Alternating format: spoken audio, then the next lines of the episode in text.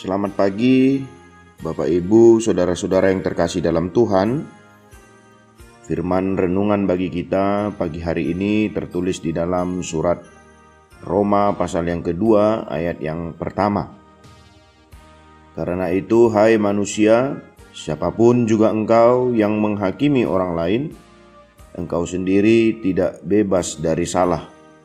Sebab dalam menghakimi orang lain, engkau menghakimi dirimu sendiri, karena engkau yang menghakimi orang lain melakukan hal-hal yang sama. Demikian firman Tuhan.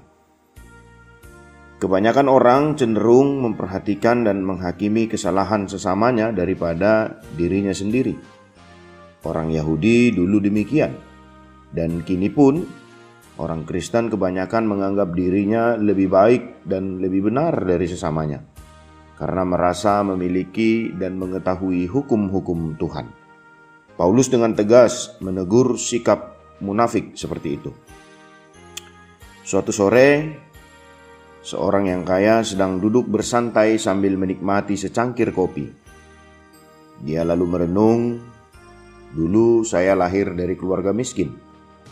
Ketika melihat orang kaya, saya bertanya-tanya mengapa mereka egois, tidak mau menolong orang miskin memperbaiki masa depan, bahkan tak jarang malah memandang rendah." Sambil meneguk secangkir kopi yang dipegangnya, dia berhenti sejenak dari lamunannya, dia lalu melanjutkannya. Namun ketika saya menjadi kaya, setelah bekerja keras, saya merasa orang miskin itu malas. Tak mau berinisiatif, maunya ditolong, iri, dan tak pernah berterima kasih. Sang orang kaya itu menggeleng-geleng menyadari kontradiksi di hati dan perasaannya.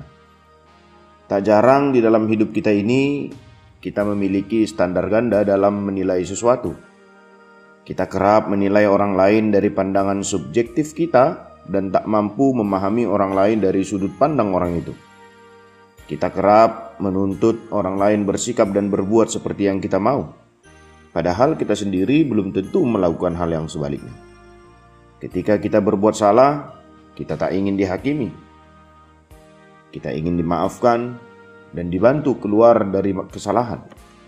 Tetapi ketika orang yang bersalah kita juga enggan mengampuni, bahkan kita sering menghakimi. Ketika kita membeli, kita menginginkan barang yang berkualitas dengan harga bagus dan akan sangat marah jika dibohongi. Tetapi ketika kita menjual, kita kerap sekali memberi kualitas barang rendah dengan untung yang besar. Ketika susah, kita ingin orang lain menolong. Tetapi ketika kita mampu, kita sulit membantu orang lain. Apabila kita rindu tidak dihakimi, biarlah kita jangan menghakimi. Apabila kita rindu dimaafkan ketika bersalah, biarlah kita jangan menghukum tetapi mengampuni orang yang bersalah kepada kita. Sebab ukuran yang kamu pakai untuk mengukur akan diukurkan kepadamu. Lukas 6 ayat 38. Oleh karena itu, berilah pengampunan, maaf, kesabaran, kebaikan, pengertian, dukungan, kekuatan, kesempatan pertolongan, maka kita pun akan diberi. Jalani hidup sebagaimana kita harap orang lain jalani, maka itu pula lah yang akan kita hadapi. Jangan menghakimi, karena cenderung dalam menghakimi orang lain, engkau menghakimi dirimu sendiri, karena engkau yang menghakimi orang lain melakukan hal-hal yang sama. Kembalilah kepada firman Allah. Tuhan memberkati.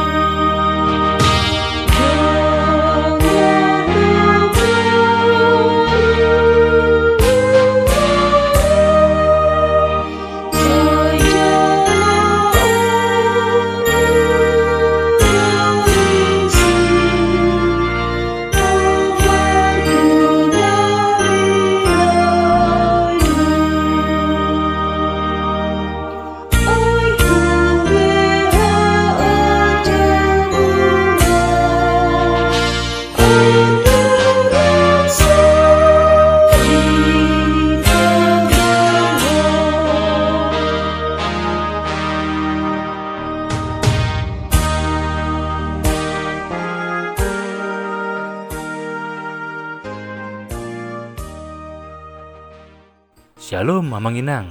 Terima kasih sudah mengawali hari dengan mendengarkan renungan hari ini. Yuk bagikan renungan harian ini kepada keluarga kita sehingga firman Tuhan itu tidak kembali sia-sia, namun berbuah dan terpelihara. Tuhan Yesus memberkati.